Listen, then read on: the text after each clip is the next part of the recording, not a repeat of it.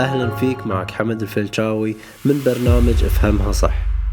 من تجربتي خلال رحلتي الطويلة في هالجانب اكتشفت أن أكبر معيق للثراء والسبب الأول هو الخوف.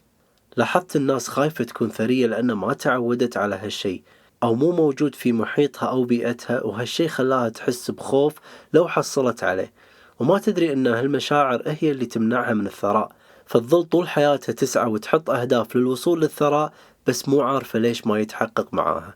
فتروح تغير الأهداف المشروع أشخاص وما في شيء يتغير بنتائجها. السبب الثاني هو ضعف الإيمان أنك ما تؤمن بنفسك أن هذا خيار من خيارات الحياة وأنه شيء من حقك تحصل عليه لما تشتغل على نفسك صح؟ بس الأغلب ما عندهم هالإيمان ما عندهم إيمان بنفسهم أو بقدراتهم أو في صنع الثراء اللي يبونه ويحلمون فيه. نفس واحد يقول أنا ودي يا حمد أكون ثري بس مستحيل يصير لأن أوضاعي ما تسمح أو عندي ديون.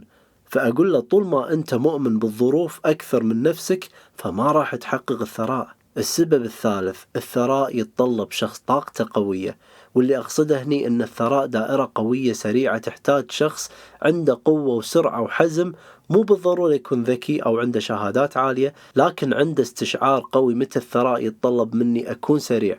متى أكون أبطأ متى أطول بالي وأنتظر. مرات أشوف شخص ذكي وعرف يتعامل مع خوفه وضعف إيمانه لكن تي مؤشرات إنه ما راح يستمر. ليش؟ لأنه ما عنده حسن تصرف مع طاقة الثراء بطريقة صح.